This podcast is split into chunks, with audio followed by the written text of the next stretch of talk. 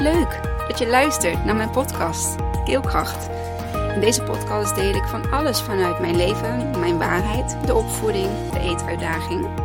Dus ben je er klaar voor? Ga lekker luisteren.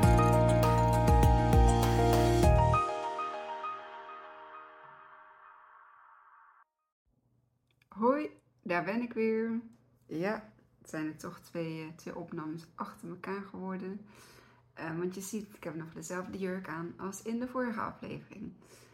Ik had iets anders aan kunnen doen, maar dat heb ik niet gedaan. Dus uh, you got two from the same moment, different inspire. Um, deze podcast gaat over weer wat anders. En dat is, um, mm, hoe ga ik het zeggen? Um, alles op zijn tijd. Alles op zijn eigen moment. Alles op zijn tijd. Um, een ander soort podcast als De Tijd is Kostbaar podcast. Um, van nummer 154 in mijn hoofd. Um, alles op zijn tijd. En dat kun je natuurlijk ook weer overal uh, op. Mm, waarom deze bij mij naar boven kwam bollen is omdat ik um, ja Um,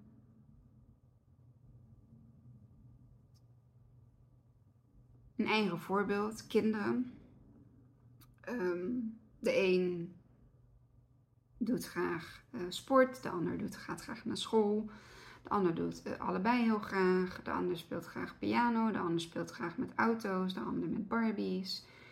Ik heb twee kinderen en ze zijn allebei echt verschillend in wat ze leuk vinden en wat ze goed kunnen en wat ze um, motiveert en wat ze, ja, wat ze bezighoudt. Um, eentje is echt een, uh, ja, een jongen en de andere is echt een meisje. En uh, alles wat daarbij hoort, Barbies. En uh, dit past natuurlijk niet zo heel goed in waarschijnlijk de, mm, de, de, de, stereotypering. Um, want ja, meisjes spelen ook met auto's en jongens spelen ook met poppen. I get it. Maar ik heb het nu even over um, ja, hoe het vroeger was. Soms was vroeger alles beter en van sommige dingen mogen we ook heel blij zijn dat die dingen van vroeger niet meer zijn zoals ze zijn. Um, en stereotypering is natuurlijk meisje, roze, Barbie, pop, um, moeder, zuster, juf. En jongens, blauw, auto's, bouwen, uh, voetballen. En een beetje stereotypering. En natuurlijk is het zo dat ook jongens met poppen spelen en ook jongens uh, leraar willen worden. Um, en van de kleur roze misschien wel houden. En vice versa natuurlijk. Um, dus ja, ik heb een meisje dat heel graag met Barbie speelt. Dat inmiddels niet meer van roze houdt. Dus het verandert ook nog. Nu is het een beetje Wednesday zwart. Um, en een jongen die van auto's, maar inmiddels Pokémon kaarten, um, de kleur rood heel erg mooi vindt. En ja, weet je. En zo verandert dat. Laat een kind maar zijn vriendenboekje invullen. En ieder jaar een ander boekje invullen. Totaal andere dingen die ze lussen, totaal andere interesses die ze leuk vinden, totaal andere vriendjes, totaal andere wensen. Weet je. En zo gaat het ook gewoon in het leven. Alles op zijn tijd. Um, dus er was eens een jongen die zat op school. En die heeft um, extra gekleuterd. Dus een bofkleuter. En toen werd er op het eindgesprek, um, dus afsluiten van de kleuterklas na groep 3, um, gezegd dat hij cognitief, dat het er niks aan ontbreekt, dat er alles uitkomt wat eruit hoort te komen, maar dat de intrinsieke motivatie ontbreekt. En of ouders wisten hoe ze die intrinsieke motivatie bij dat kind konden triggeren, konden kietelen, konden. Nou ja, kind is op school zoals uh, hij thuis ook is. Dus ouders die hadden zelf ook weinig idee hoe ze dat um, um, voor elkaar kregen. Weet je, een kind is dan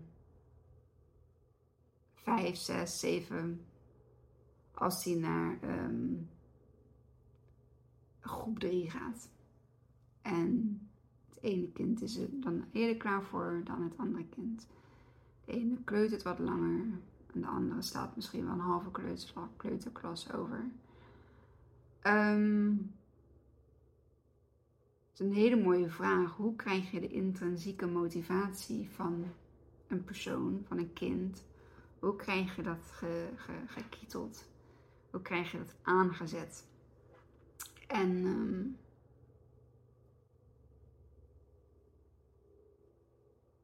dan ga je onderzoeken en dan ga je kijken en dan ga je dingen bedenken, en dan ga je dingen proberen en dan ga je dingen verzinnen. Maar waar het eigenlijk op neerkomt, is dat die intrinsieke motivatie echt vanuit het kind, echt vanuit de persoon moet komen. Um, zonder dat daar trucjes of um, ja, dingen zeg maar, van buitenaf aan, aan, aan toegevoegd of aan gesleuteld ge, moeten worden. Um, om dat zeg maar eruit te krijgen. Het is bewustwording bij het kind of bij de persoon um, om zelf in te zien waarom bepaalde dingen belangrijk zijn. En um, de ouders zeggen heel vaak tegen het kind: niet zoveel op het scherm of besteed je het schermtijd toch aan andere nuttige dingen, dingen waar je slim van wordt, dingen waar je wat van opsteekt. Uh, kijk een filmpje um, wat gaat over rekenen of over letters of um, over hetgeen waar jij heel veel van, eh, van wil gaan weten. Um, ben je een opleiding bezig uh, voor, uh, weet ik veel, psychologie? Kijk dan heel veel filmpjes van psychologen. En um, ja, zo dus ook werkt het ook bij het kind wat op school weinig uh, intrinsieke motivatie laat zien om uh, lekker aan het werk te gaan, lekker aan de slag te gaan. En um, dan ineens, poef, als de tijd er rijp voor is, wordt er gevraagd: um, Wanneer ga ik weer naar school? Wanneer begint school? Ja, nog zo lang. Ja, maar ik wil nu al naar school. Want ik wil gaan rekenen. En uh, ik wil gaan lezen. En dan ontstaat daar iets van een, een, een, een, een Eureka-moment. Um, zowel voor de ouders als uh, voor het kind. Um, en dat is het moment dat je, hoe noem je dat? Het warm houden van, of uh, ja, dat, dat zal wel een spreekwoord voor zijn. Nou, je kent me een beetje. Ik haal ze of door elkaar, plak ze, knip en plak ze aan elkaar. Of ik gebruik het verkeerd. En dat is, nou, dat is een, een eigenschap van mij. of je moet het ijzer smeden als het heet is. Ik geloof dat dat hem is. Um, dus dat is een mooie, mooi aanknopingspunt, een mooi, mooi, mooi punt om uh, hè, erover in, in gesprek te gaan. Of het de aandacht te geven, zeg maar. En je kunt kinderen, zijn, kinderen zijn heel flexibel, je kunt ze heel veel aanbieden. Maar ja, opeens wordt er dan um, iets van een, een, spelletje uit de kast gepakt, wat dan gaat over rekenen, plus, min, keer, gedeeld door. En uh, er wordt ineens um, heel mooi hoe dat moment is gegaan. Um, Dus uh, dat kind zat televisie te kijken. En toen kwam ook dat rekenspel kwam ineens boven, uit de kast, of boven tafel, uit de kast, boven water. En ehm, toen zei dat kind tegen een van zijn ouders: ehm, Van schermen word ik dom. Dus dat, de, de, de, de, datgene wat die ouders hebben meegegeven. Um, zonder daar meteen uh, bestraffend of afstraffend in te zijn. Want het kind, de mens, moet zelf de noodzaak zien van een eventuele verandering, van een eventueel inzicht. En het kind kreeg uiteindelijk um, het inzicht bij zichzelf ik word dom van het kijken naar bijvoorbeeld het scherm, YouTube-filmpjes. Uh, wat hebben we nog meer? Disney, uh, Netflix. Uh, nou, dat zijn wel denk ik de, de, de, de, Videoland, een beetje de, de meest voorkomende. Um, dus wat deed het kind? Dat gaf de afstandsbediening aan die ouder. En die zei van, van schermen kijken word ik dom. Ik ga iets doen waar ik van kan leren. De televisie of het scherm leidt mij af. Dus ik wil dat jij de afstandsbediening hebt en um, voor mij de televisie uitzet. Dus die ouder die had op dat moment echt zoiets van: jee, waar komt dit nou ineens vandaan? Uh, maar goed, oké, ik uh, ben blij, uh, helpend daarin. dus die ouder die pakt de tv of het scherm of de afstandsbediening en het scherm gaat uit. En dan gaat het kind aan de slag met het rekenspelwerkje um, wat het uit de kast heeft getrokken. En ging daarover ook vragen stellen aan de ouder. En ik denk dat je dan op dat moment het punt hebt bereikt van de intrinsieke motivatie bij, in dit geval het kind. Um, op de eigen natuurlijke manier. En het kind gaat naar groep 3 uh, eh, na de zomervakantie en vraagt daar dus al om, om daar naartoe te kunnen. Het kind is klaar voor de volgende stap, voor het rekenen, voor het schrijven wellicht, voor het lezen wellicht. En kan het misschien zijn dat rekenen straks het favoriete vak wordt. Omdat hij dat leuk vindt, omdat hij daar uh, zelf naar vraagt, omdat hij daarmee bezig is. Om dingen te pakken en bij elkaar op te tellen en, en uh, minsommen van af te halen. Um, keersommen kwamen er ook al uit. Ja, het komt dus wel, maar het komt wanneer de tijd daarvoor rijp is. En daar kom ik weer terug op het stukje geduld. Geduld is en blijft een heel belangrijk iets in ons leven. We kunnen dingen gaan zitten afdwingen en we kunnen dingen gaan zitten. Uh, um, um, ja, op gaan zitten uh, wachten. En ergens op wachten is, is niet verkeerd, is, is hartstikke goed. Ehm, maar ook vrede mee hebben dat het wachten misschien wel eens heel lang zou kunnen gaan duren. Uh, en dat de uitkomst van het wachten misschien niet de uitkomst is die we willen hebben. Hè? Dan praat ik over bijvoorbeeld mensen die uh, heel graag een kindje willen krijgen.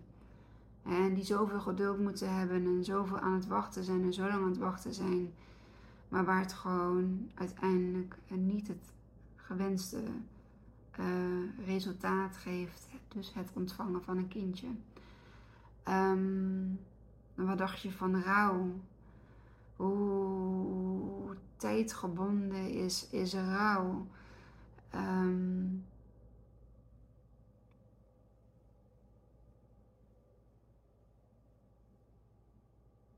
de, dat, is, dat is ook een proces en, en, en daar willen we misschien allemaal heel graag doorheen.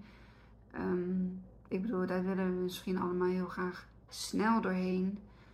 Um, maar ook daar hebben we niet heel veel over te zeggen. De tijd zal het leren. En misschien wordt dat wel de naam van mijn podcast. Ik weet niet of ik hem al eerder heb gebruikt. Dus nou ja, hou het even, hou het even uh, uh, in het midden, slag om de arm. De tijd zal het leren. Dat is wel een hele mooie titel. Ehm, ja. Wat zijn er nog meer voor ehm, het, het, het, het, groeien als mens zijn heeft natuurlijk ook een, een, hele lange tijd nodig. Uh, het, het, het, worden van een ouder, oh, daar kan ik je wel. Nou, ga maar terug naar mijn podcast nummer 2. Dan uh, zul je daar mijn uh, oprechte verhaal horen over hoe ik het ervaarde om, om moeder te worden. En um, om te voldoen aan de verwachtingen.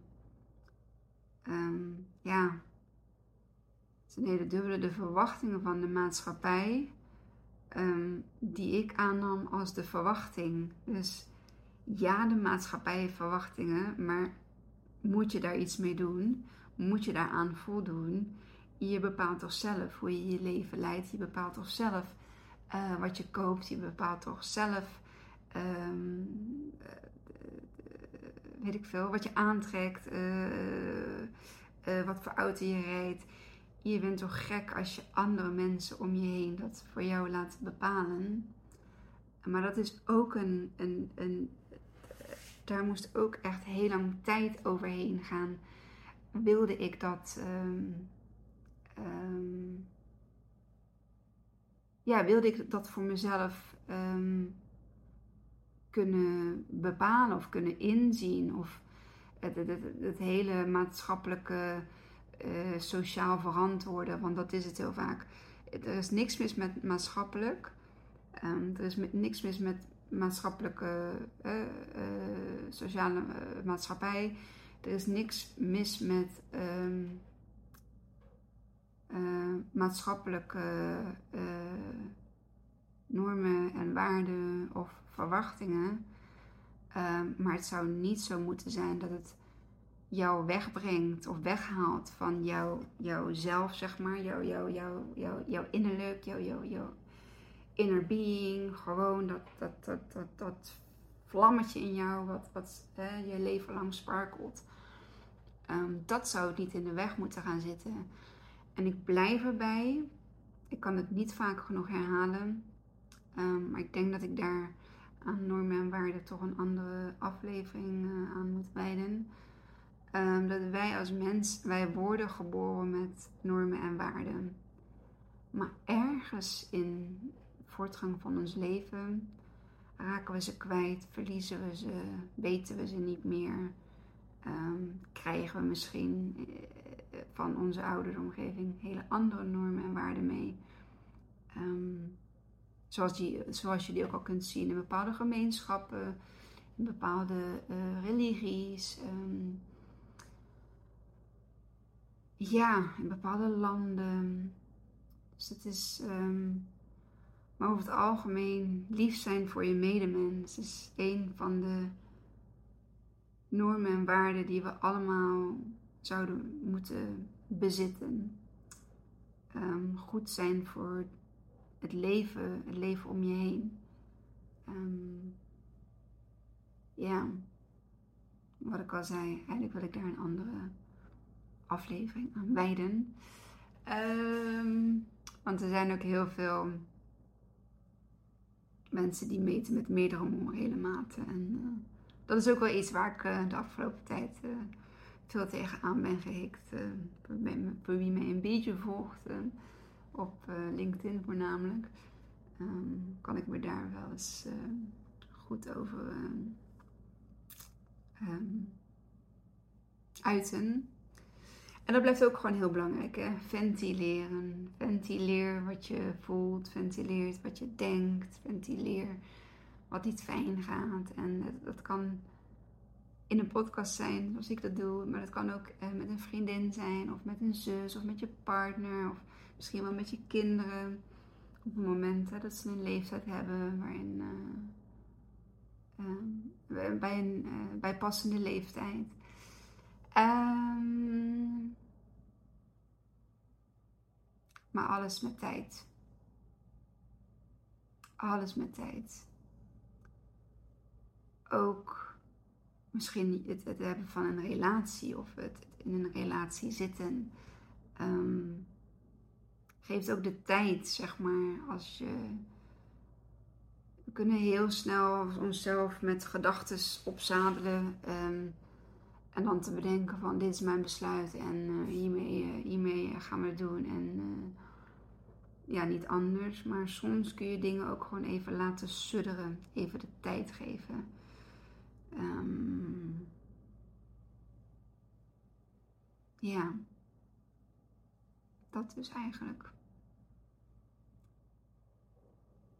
Geef je kinderen ook de tijd om zichzelf te ontwikkelen, om, om, om die evenwichtige mensen te worden, die die mooie, ontwikkelde mensen. En, en, en mensen zijn al prachtig als ze geboren worden, baby's. Ik heb een speciale um, gevoel, een speciale, uh, ik weet niet, met baby's. Baby's zijn, baby's zijn zo uh, onvoorde of, uh, onveroordelend, niet oordelend, niet veroordelend, meningloos. Baby's die voelen en die voelen jou. En als je bereid bent om daarvoor open te staan, kun je ook een baby aanvoelen. En um, je dus inderdaad zonder woorden, maar door echt te kunnen voelen. En als je goed wilt voelen, zul je heel veel dingen moeten uitschakelen. Um, je ervaringen, je eigen gedachten. Um, from scratch, weet je nog. Nieuwsgierig, open.